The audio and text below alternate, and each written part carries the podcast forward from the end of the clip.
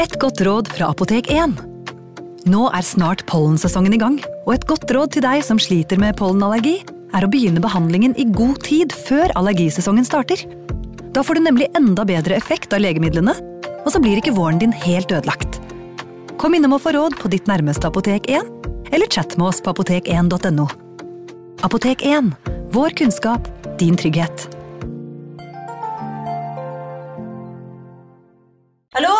Jeg kommer fra Oslo politikammer. Ine Jansen er purk. Er du purk? The motherfucking bitch. Alt jeg vil, er å finne ut hva som skjedde med mannen min. Jon Carew. Er jeg sikta for noe? Iben Akeli. Det er du. Ole So, Lars Berrum og Big Daddy Karsten. Hvem sin side er du på, egentlig? Anette Hoff, Tone Danielsen, Kommer du fra Afrika? Jørnis Josef, Nesten. Kløfta. Trond Espen Seim, Det er synd å si det, men det var feil mann som døde. Purk. Premiere tirsdag på TV2 Play. Ungsamtalen fra DNB er økonomisk veiledning tilpasset deg som er ung. Bokk en ungsamtale på dnb.no. slash ung. Det er kjempebra hvis du skal inn på boligmarkedet, hvis det er drømmen din, liksom. Det er det du skulle sagt. Og så kunne du ropt litt mer, da, sånn som jeg gjorde. Bam! Advarsel. Historiene vi forteller i denne podkasten kan være fiktive og avvike fra den opprinnelige historien av dramaturgiske årsaker. Meninger og påstander i historiene reflekterer nødvendigvis ikke programledernes meninger eller virkeligheten.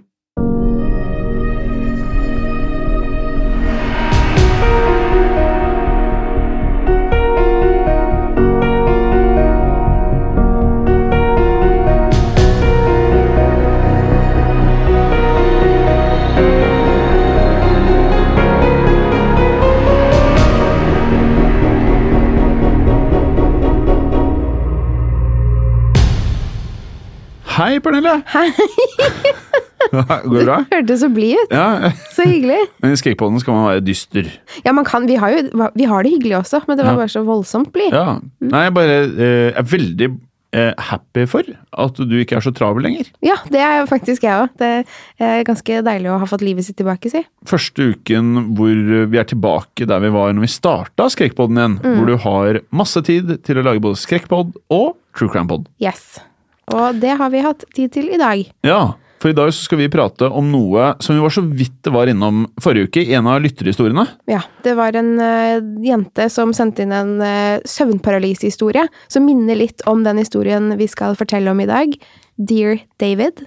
Jeg syns for øvrig veldig mange av de som eh, mailer oss uh, med lytterhistorier, det er veldig mye søvnparalyser. Ja, men det er jo mange som har det. Mange mer flere enn jeg trodde. Jeg har jo slitt med det selv i mange år. Så det er, eh, det er hyggelig å vite at man ikke er alene. Men bare sånn, uh, for de som ikke har hørt de første episodene, og fordi jeg har glemt det litt sjæl. Søvnparalyse, hva er det? Det er en, et slags mareritt hvor hjernen din er Altså, du er våken, men kroppen din sover, så du kan ikke bevege deg. Så du har for eksempel et mareritt, selv om du er våken, så du kan se rommet du ligger i, og så skjer det ting i rommet. Selv om det ikke skjer på ordentlig, så skjer det inni hodet ditt, så det virker veldig ekte. Um, og så kan man ikke våkne av den. Altså, man må bare vente til det går over. Er det det hun Har du sett Hill House? Haunting, Haunting Hill House, eller hva den heter? Ja, den heter vel noe sånt. Er det det hun dama der har? Hun har vel Der er det vel holdt på å si ekte spøkelser, hvis det er noe som Ja, heter du, det. du vet når eh, Spoiler alert! Du vet når hun ligger i sengen der, og han kjæresten får Eller må liksom riste henne. Det er vel søvnparalyse? Stemmer, det er Ja. en søvnparalyse. Jeg tenkte mer på The Bent Neck Lady, som går med sånn, sånn hun som er uh, hengt. Ja. Så, men eh, det kan jo være en søvnparalyse, det òg. Men det er helt riktig. Men syns du Haunt, Haunting Hill House var skummel? Ikke så veldig. Jeg ser det er ikke det. Si. Nei, det var eh, Jeg syns den faktisk var litt kjedelig, for det dro, vel, dro seg veldig ut. Det var Mm. en kort historie på mange episoder. Men en liten erkjennelse var at etter serien var ferdig, det helt det siste som skjer i siste episode, Skal du legge på en spoiler alert der? eh, gjorde Nei. Nei. Nei. Eh, bare en emosjonell greie. Jeg ble veldig, veldig rørt av uh, endingen. Nå må jeg faktisk innrømme at jeg ikke husker så Ok, Det er ganske rake motsetninger. For jeg, jeg slet faktisk med å ikke felle en liten tåre der. Oi, Det kan være det ble felt en tåre. det var litt fint. Opptil flere tårer. Opp til flere tårer. Så det, det Bare for ikke spore helt av, så var det både triste ting, og tidvis så ble jeg også litt skremt. Ja. Og søvnparalyse der var jo en av hovedelementene. Så med uh, Dear David så regner jeg med at det er mye søvnparalyse, da? eller? Ja, det handler om en eh, mann som er i en søvnparalyse, og så fortsetter historien i livet hans, i virkeligheten. Så den er veldig skummel. Mm. Bra! Uh, sånn vi har gjort det her, så er du fortellerstemmen. Ja. Og hva er det jeg skal lese her? Du spiller jo hovedpersonen, Ja. så du skal lese tweetene til Adam Ellis, som han heter. Så jeg er Adam Ellis. Nå er du Adam Ellis. Nå kan Ja. du gå inn i rollen din hjem, Ja. og så kan vi bare sette i gang. Da gjør vi det. Yes. Sommeren 2017 delte den amerikanske illustratøren Adam Ellis en tweet som fikk folk til å gå av skaftet. Han mente at leiligheten hans var hjemsøkt av en liten gutt som het Dear David. Folk på Twitter fulgte historien mens den utfoldet seg. Adam skrev daglige oppfølginger og delte bilder av det han opplevde. Historien ble veldig kjent. Jeg fulgte nøye med på den selv og ble veldig fascinert. Selv om mange mener at Dear David-historien er et PR-stunt, synes jeg fortsatt saken er utrolig spennende, uforklarlig og skummel. Om det hele stemmer eller ikke, har ikke så mye å si for meg personlig, for den ga meg grøss gjennom hele perioden. Jeg er faktisk litt redd for Dear David enda. Så hør på historien med åpent sinn, for uansett hva dette er, kan vi være enige om at det er blitt en skremmende urban legend. Her er Dear David. 7. august 2017. Ok, så leiligheten min blir hjemsøkt av spøkelset til et dødt barn, og han prøver å drepe meg. Adam Ellis skriver sin første tweet, og folk spør han hvorfor han tror et lite barn hjemsøker leiligheten. Han forklarer at det hele startet med en drøm i form av søvnparalyse. Første gangen jeg så han, var en søvnparalyse. Jeg så et barn sitte i en grønn gyngestol foran sengen min. Adam fortsetter i neste tweet. Han hadde et stort, deformert hode, med en slags bulk på siden. Jeg prøvde å illustrere han her. Adam legger ut en tegning av barnet han så den natten, som viser en gutt med en stor bulk i hodet, nesten som en tegneseriefigur. Gutten på bildet ser ikke snill ut. Han har stirrende og sinte øyne. Adam forteller også at gutten i drømmen reiste seg fra stolen og sjanglet bort mot sengen hans, der han lå uten å kunne røre seg. Gutten var på vei mot Adam, men heldigvis våknet han før gutten kom nær han. Adam hadde en annen drøm hvor han så en liten jente som fortalte han om gutten. Jeg hadde en annen drøm noen netter senere, hvor jeg var i et bibliotek, og en liten jente kom bort til meg, og hun sa Du har sett Dear David, har du ikke? Jeg svarte Hvem? Så sier hun Dear David, du så han? Jenta i drømmen forteller Adam at David er død, og at det er regler for hvordan man kan kommunisere med han. Han kommer bare frem ved midnatt, og hvis du ser han, kan du stille han to spørsmål så lenge du sier Dear David først. Men du får aldri, aldri stille han tre spørsmål. Hvis du gjør det, dreper han deg. Adams drømmer fortsetter, og han ser Dear David flere ganger, sittende i den grønne gyngestolen foran sengen. David ser rett på han og reiser seg for å gå mot Adam i hver drøm. Adam beslutter at han ville stille David noen spørsmål. Han skriver om dette i fire tweets. I drømmen sier jeg Dear David, hvordan døde du? Han mumler Det var en ulykke i en butikk. Jeg spør Dear David, hva skjedde i butikken? Han svarer En hylle ble dyttet på hodet mitt. Adam blir nysgjerrig og fortsetter samtalen med den døde gutten. Jeg er redd og stiv av skrekk. Jeg spør han hvem dyttet hyllen? David svarer ikke. Jeg forstår at jeg nettopp har stilt David et tredje spørsmål, noe jeg absolutt ikke måtte gjøre. Så våkner jeg, livredd. Adam har nå gjort det han ikke skulle, stilt tre spørsmål til Dear David. Han var redd, men også nysgjerrig, og begynte å lete i arkiver og aviser etter en butikkulykke der en liten gutt hadde dødd. Han googlet barn med forskjellige navn som minnet om David, som Daniel, Dylan, Devon, som kanskje hadde dødd i en ulykke i nærheten av New York, men fant ingenting. Ikke lenge etter dette flytter naboene over Adams leilighet ut, og han bestemmer seg for å ta over leiligheten og flytte ut fra sin. Han tenker ikke på David på en liten stund, og David kommer ikke til han i drømmene på noen dager. Og Adam tror at David kanskje ikke finner han siden han har flyttet. Så feil kan man ta, for noen dager etter at Adam er ferdig innflyttet i den nye leiligheten, som ligger rett over hans gamle, skriver han dette på Twitter. I det siste har det begynt å skje rare ting her. Adam legger ved et bilde som viser de to kattene hans sittende foran døren og stirrer mot dørterskelen. Hver kveld de siste fire dagene har kattene mine satt seg slik foran utgangsdøren. De setter seg der presis ved midnatt og bare stirrer på den. Nesten som om det er noe på andre siden. Adam prøvde å se ut gjennom kikkehullet, og skriver at han var sikker på at han så noe utenfor. Noe som beveget seg. Da jeg åpnet døren og slo på lys i gangen, var det ingenting der. Men kattene virket redde og ukomfortable. De fikk store haler, som når katter blir redde. Og det er her vi er nå. Dear David fant meg. Tror jeg. Jeg vet ikke hva jeg skal gjøre. Jeg holder dere oppdatert. Dette ble skrevet den 7. august 2017. Han har altså gjenfortalt det som skjedde i dagene frem til denne datoen. Så, den 8. og 9. august, skriver han. Oppdatering. De siste seks nettene på rad har kattene gått til døren eksakt klokken tolv. Midnatt. Og bare stirret på døren.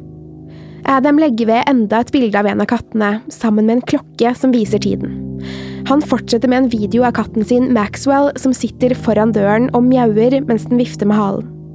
Katten virker nervøs. Adam blir også redd.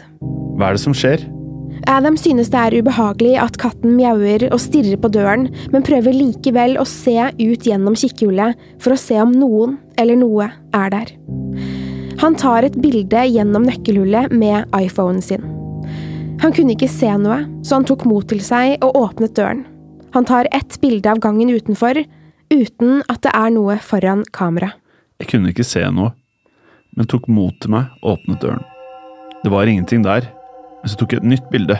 Se på dette. Adam legger ved to bilder. Først det gjennom nøkkelhullet, og deretter det han tok med døren åpen. Det ser ut som det er noe på bildet gjennom nøkkelhullet. En slags tåke eller røyk. Han skriver. Er det bare meg, eller er det noe på første bilde? Der rekkverket møter skohyllen, er det noe som gjemmer seg der? Jeg var ikke sikker på om det var noe på linsen, så jeg tok et nytt bilde fra innsiden. Det var visst noe der ute. Deretter skriver han. Jeg låste døren og gikk og la meg, fordi jeg vet ikke hva annet jeg kan gjøre. Jeg kan fortsatt høre katten mjaue mot døren. Jeg er ganske redd nå. Han legger ved et bilde av katten foran døren, hvor kattens øyne lyser i mørket pga. blitsen på kamera. Folk svarer Adam, flere prøver å finne naturlige forklaringer på skyggen eller tåken ved trappen utenfor. Ikke for å være Dana Scully fra X-Files her, men kan det hende at det du så i trappen, var en annen katt eller et annet dyr? Adam svarer. Nei, jeg bor i et hus. Det er ingen annen måte dyr kan ha kommet seg hit i gangen. En annen skriver. Men du sa jo du bodde i leilighet, og at de som bodde i leiligheten over deg, hadde flyttet. Så svarer Adam. Det er et gammelt hus som er gjort om til to leiligheter, med trapp på den ene siden av huset. Adam skriver den 10. august. Det har vært en rolig kveld. Jeg skal prøve en soveapp jeg har lastet ned for å se om det skjer noe i natt. Jeg skal legge meg snart, men katten er fortsatt ved døren. De gjør bare dette midt på natten. Det har nesten blitt rutine nå. Han legger ved et bilde av seg selv med de to kattene i bakgrunnen, sittende foran døren. I dagene som kommer, legger han ut flere bilder av kattene foran døren. Noen av følgerne hans sier at han burde legge en stripe med salt foran døren, noe som kan stoppe onde ånder fra å komme inn. Adam legger ut et bilde av dørterskelen med salt foran. Han skriver. Jeg vet ikke engang om dette er riktig type salt. Neste morgen forteller han om soveappen. Jeg brukte en app for å ta opp lyden i natt. Den tar opp hver gang det skjer noe, og hver gang det er lyd i rommet. Det ble 33 opptak. Han forteller om opptakene. Den første er en lyd av noe som knekker, og noe som høres som et skritt. Det er litt rart, for jeg gikk ikke ut av sengen på hele natten. Denne er merkelig, for av 33 opptak er dette den eneste som har en rar, elektrisk lyd gjennom hele klippet. Samme dag legger Adam ut et bilde av seg selv hvor han skriver at han reiser bort fra den hjemsøkte leiligheten sin over helgen. Han står foran en dør med vinduer på, trolig inn til kjøkkenet eller stuen i leiligheten, og mange mener at de ser en skygge eller kontur av en person bak han. På søndagen skriver han at han har kjøpt et polaroidkamera for å ta bilder i leiligheten. Adam tar flere bilder inne på soverommet, hvor han viser den grønne stolen der Dear David satt, og så tar han et bilde ut i gangen igjen. Det bildet er helt svart. De andre ser helt vanlige ut. Han sier at han ikke hadde noe foran linsen, ikke fingeren eller noe annet. Han tar et nytt bilde med fingeren over linsen for å kunne sammenligne, og bildene ser forskjellige ut. Jeg trodde også jeg kanskje hadde hatt fingeren over kameralinsen. Så tok jeg et nytt et. Men det ser helt forskjellig ut, ut fra det jeg tok av gangen. Adam filmer også mens han tar bildene, for å vise at han ikke manipulerer dem. Alle bildene av gangen er svarte. Bildene i resten av leiligheten er helt vanlige. Noen sa at jeg skulle ta bilder vekk fra døren, så jeg gjorde det. Ett med polaroid-kamera og ett med iPhonen. Det til venstre er med telefonen, og det til høyre er med kamera. Hvorfor blir bildet helt svart med polaroid-kamera? Mange prøver å finne forklaringer på hva som kan ha skjedd, og noen prøver å gjøre bildene lysere i et redigeringsprogram for å se hva som gjemmer seg i mørket. De fant masse. Det ser ut som et ansikt i øverste hjørne av dørkarmen, og i midten av døråpningen står en skikkelse. Følgerne blir redde. Adam blir redd, og mange foreslår at Adam skal rense leiligheten ved å brenne salviblader. Det gjør han, og skriver at det ikke hjalp. Han skriver også dette. Jeg har ikke drømt om Dear David på en god stund, men i natt kom han tilbake til meg. I drømmen var rommet fylt med masse røyk eller tåke, men jeg kunne se David sitte i stolen i enden av rommet. Han var mindre denne gangen, nesten sammensunket. Han sa ingenting, bare satt der og så på meg. Det føles som et ondt forvarsel. Adam fortsetter de neste dagene med å tweete om nye drømmer med David. Jeg drømte at David dro meg gjennom et tomt varehus. Da han våknet, hadde han et håndmerke på armen, nesten som et blåmerke. Han legger ut bilde av merket, som er rundt håndleddet. Samme dag legger Adam ut et bilde av et tomt varehus. Han skriver Jeg har bodd i dette nabolaget i fire år, og dette stedet har vært stappfullt med folk hver dag, med folk som har handlet. Da jeg gikk forbi i dag, var det helt tomt. Eller nesten helt tomt. Jeg gikk inn for å se, og det eneste som er igjen, er en grønn stol. David satt alltid på en grønn stol. Adam begynner å motta oppringninger fra et blokkert nummer, flere ganger på samme kveld. Han tok ikke telefonen de første gangene, men så bestemte han seg for å gjøre det. Jeg tok telefonen, men sa ingenting. Bare lyttet hørte bare en metallisk summing, og så stoppet det. Det ble helt stille. Jeg fortsatte å lytte, og jeg tror jeg kunne høre pusting. Hjertet mitt hamret. Da jeg skulle til å avslutte samtalen, hørte jeg en tynn stemme si hallo. Ikke spørrende eller en hilsen, men som en måte å si at det var noen der. Så stille at jeg nesten ikke kunne høre det. Men det var der. Jeg fikk panikk og avsluttet samtalen. Jeg vet ikke hva jeg skal gjøre. Jeg har dratt for alle gardinene i leiligheten og skrudd på alle lysene. Adam installerer kamera i leiligheten sin. Flere ting begynner å skje. Adam legger ut en video av at den grønne gyngestolen David satt i, gynger frem og tilbake.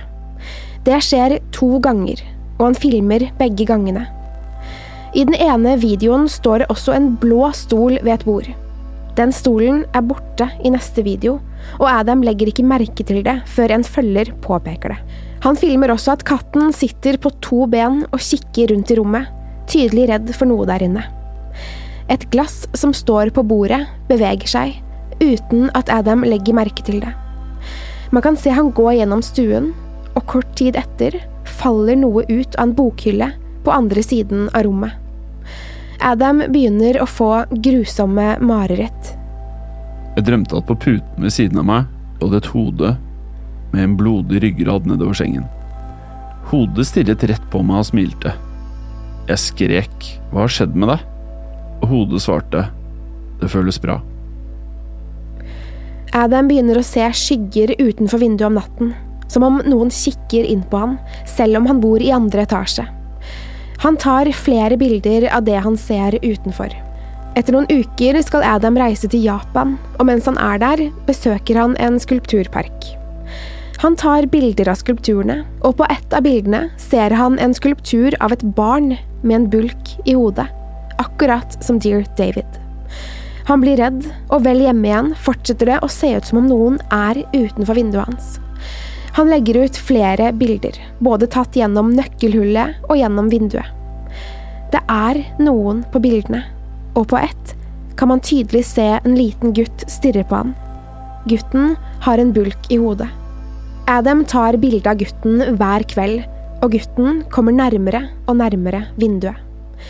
En natt er den lille gutten inne i rommet hans, og Adam legger ut et bilde av at Dear David sitter i rommet. Man ser at gutten er gjennomsiktig, men tydelig likevel. Han stirrer rett på Adam. Adam hører lyder på taket, og finner et kryploft med en luke over sin leilighet. Jeg hadde nesten sovnet da jeg hørte et høyt dunk fra kryploftet over meg, som om noen hadde mistet en bowlingball i gulvet. Jeg satte meg opp og begynte å føle meg rar, som en merkelig energi var i rommet. Etter ca. et minutt hørte jeg dunke igjen, og så igjen, kanskje 15 ganger. Så stoppet det, før jeg begynte å høre fottrinn og knirking i gangen. Neste dag viser han en video av luken opp til kryploftet, og åpner den med et kosteskaft, siden den er ganske høyt oppe, over trappen og ned til ytterdøren. Ut av luken faller en barnesko. En gammel barnesko. Det faller også ut en klinkekule. Klinkekulen har en bulk i seg. Adam finner ut ved hjelp av følgere at det var en liten gutt mellom fem og syv år som ble funnet død i en dam slått i hodet i 1921. Drapet er uløst. Om dette er gutten Adam så, vet ingen. Adam oppdaterer lite på en stund. Han føler seg trøtt, sliten og dårlig. Men han filmer stolen der David pleier å sitte. Bildene er mørke, og man ser ikke så godt hva som er i rommet, men når flere lysner bildene i et redigeringsprogram, kan man se det. Dear David sitter i stolen. Han beveger seg for hvert bilde. David kryper ned fra stolen. David krabber bort mot sengen. David tar tak i sengen og reiser seg. David kryper opp i sengen. Så ser man ikke David, for et lite, blekt hode kan sees i det ene hjørnet. Hodet har tynt, blekt hår, og man kan se hodebunnen gjennom. Så flytter kameraet seg. Adam legger ut merkelige videoer av kattene som mjauer, mørke bilder av soverommet, og skriver at han er redd. Folk spør om det går bra med han, og Adam svarer. Det føles bra. Ja, Pernille? Ja, det var litt av en historie. Uh, Dear David er eh, kanskje den jeg syns er skumlest som vi har hatt til nå. Ja, og jeg syns Nå har jeg sittet og sett på bildene og videoene som Adam Ellis la ut, og jeg ble så redd, særlig av det den videoen hvor gyngestolen beveger seg, og de bildene hvor du ser Adam sitte der, og så bare kommer han nærmere og nærmere. Så det er um, Vi vet jo ikke om dette her er sant, og det er vel altså Det er mange som mener at det er et PR-stunt. Ja, men, men det er en skummel historie, og det er det vi kan få ut av dette, at uh, vi ble redde.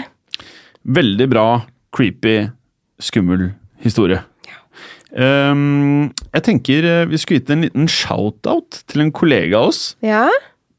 Han har startet en uh, helt ny podkast som um, jeg gleder meg veldig til å høre. Eh, og som heter noe sånt som Historiepodden. Spennende. Mm. Hva tror du den handler om, Pernille? Hvis jeg skal sette pengene mine på noe, så ville jeg sagt historie. Jeg tenker også historie, ja. Og på mange måter da så føler jeg at det er riktig å nevne det i Skrekkpodden, for det er jo historiefortelling dette også, Mm. selv om vi prater om skumle ting. Ja. Så jeg hørte de to første episodene av Historiepodden, og selv for folk som kanskje ikke er så inne i historieverden, så er det, det er veldig spennende greier. Jeg tror man burde gi en liten lytt for å teste ut om det kanskje er noe for deg. Jeg gleder meg. Ok, med andre ord, sjekk ut Historiepodden på iTunes og Spotify. I tiden fremme på panelet så blir det ikke like mye lytterhistorier, men uh, mer av dette. Ja, for nå, nå har vi endelig tid til å, å skrive ordentlige historier igjen, og, og gjøre research på skikkelig skumle spøkelseshistorier.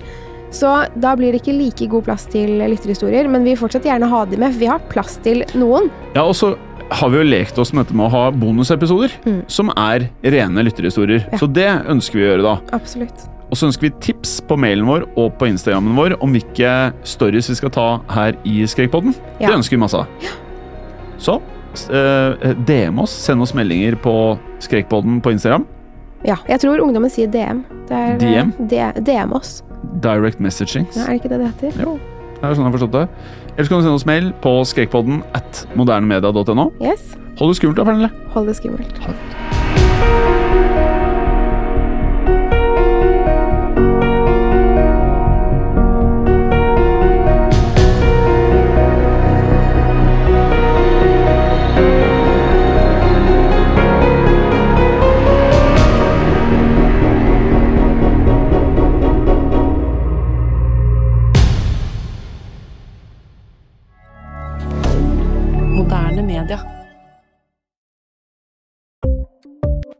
Ukens annonsør er Folio, en smartere banktjeneste for deg som har en egen bedrift eller ønsker å starte for deg selv.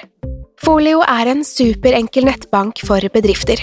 Som kunde i Folio får du en bedriftskonto med et bedriftskort og app. I denne appen er det smarte løsninger som forenkler regnskapet ditt, uansett om du har en liten bedrift eller et enkeltpersonsforetak. Folio er både intuitivt og brukervennlig, og er laget med et enkelt språk. I tillegg tilbyr de forutsigbare priser og ingen skjulte gebyrer. Skulle du likevel trenge det, så kan du snakke med deres raske og hyggelige kundeservice, og der får du prate med en faktisk person og ikke en chatbot. Folio er med andre ord både enklere og koseligere enn banken. Over 10 000 bedrifter har allerede valgt Folio som sin banktjeneste, så besøk folio.no og se hvordan Folio kan forenkle din hverdag også. Har du et enkeltpersonforetak eller en liten bedrift? Da er du sikkert lei av å høre meg snakke om hvor enkelt det er med kvitteringer og bilag i fiken, så vi eh, gir oss her, vi. Fordi vi liker enkelt. Fiken superenkelt regnskap. Kiwi er billigst i VGs matbørs og har vært billigst i fire av de fem siste VGs matbørser. Og nå presser vi prisene på frukt og grønnsaker. På 200 gram broccolini setter vi prisen til 24,90. På 400 gram Cevita blåbær setter vi prisen til 49,90.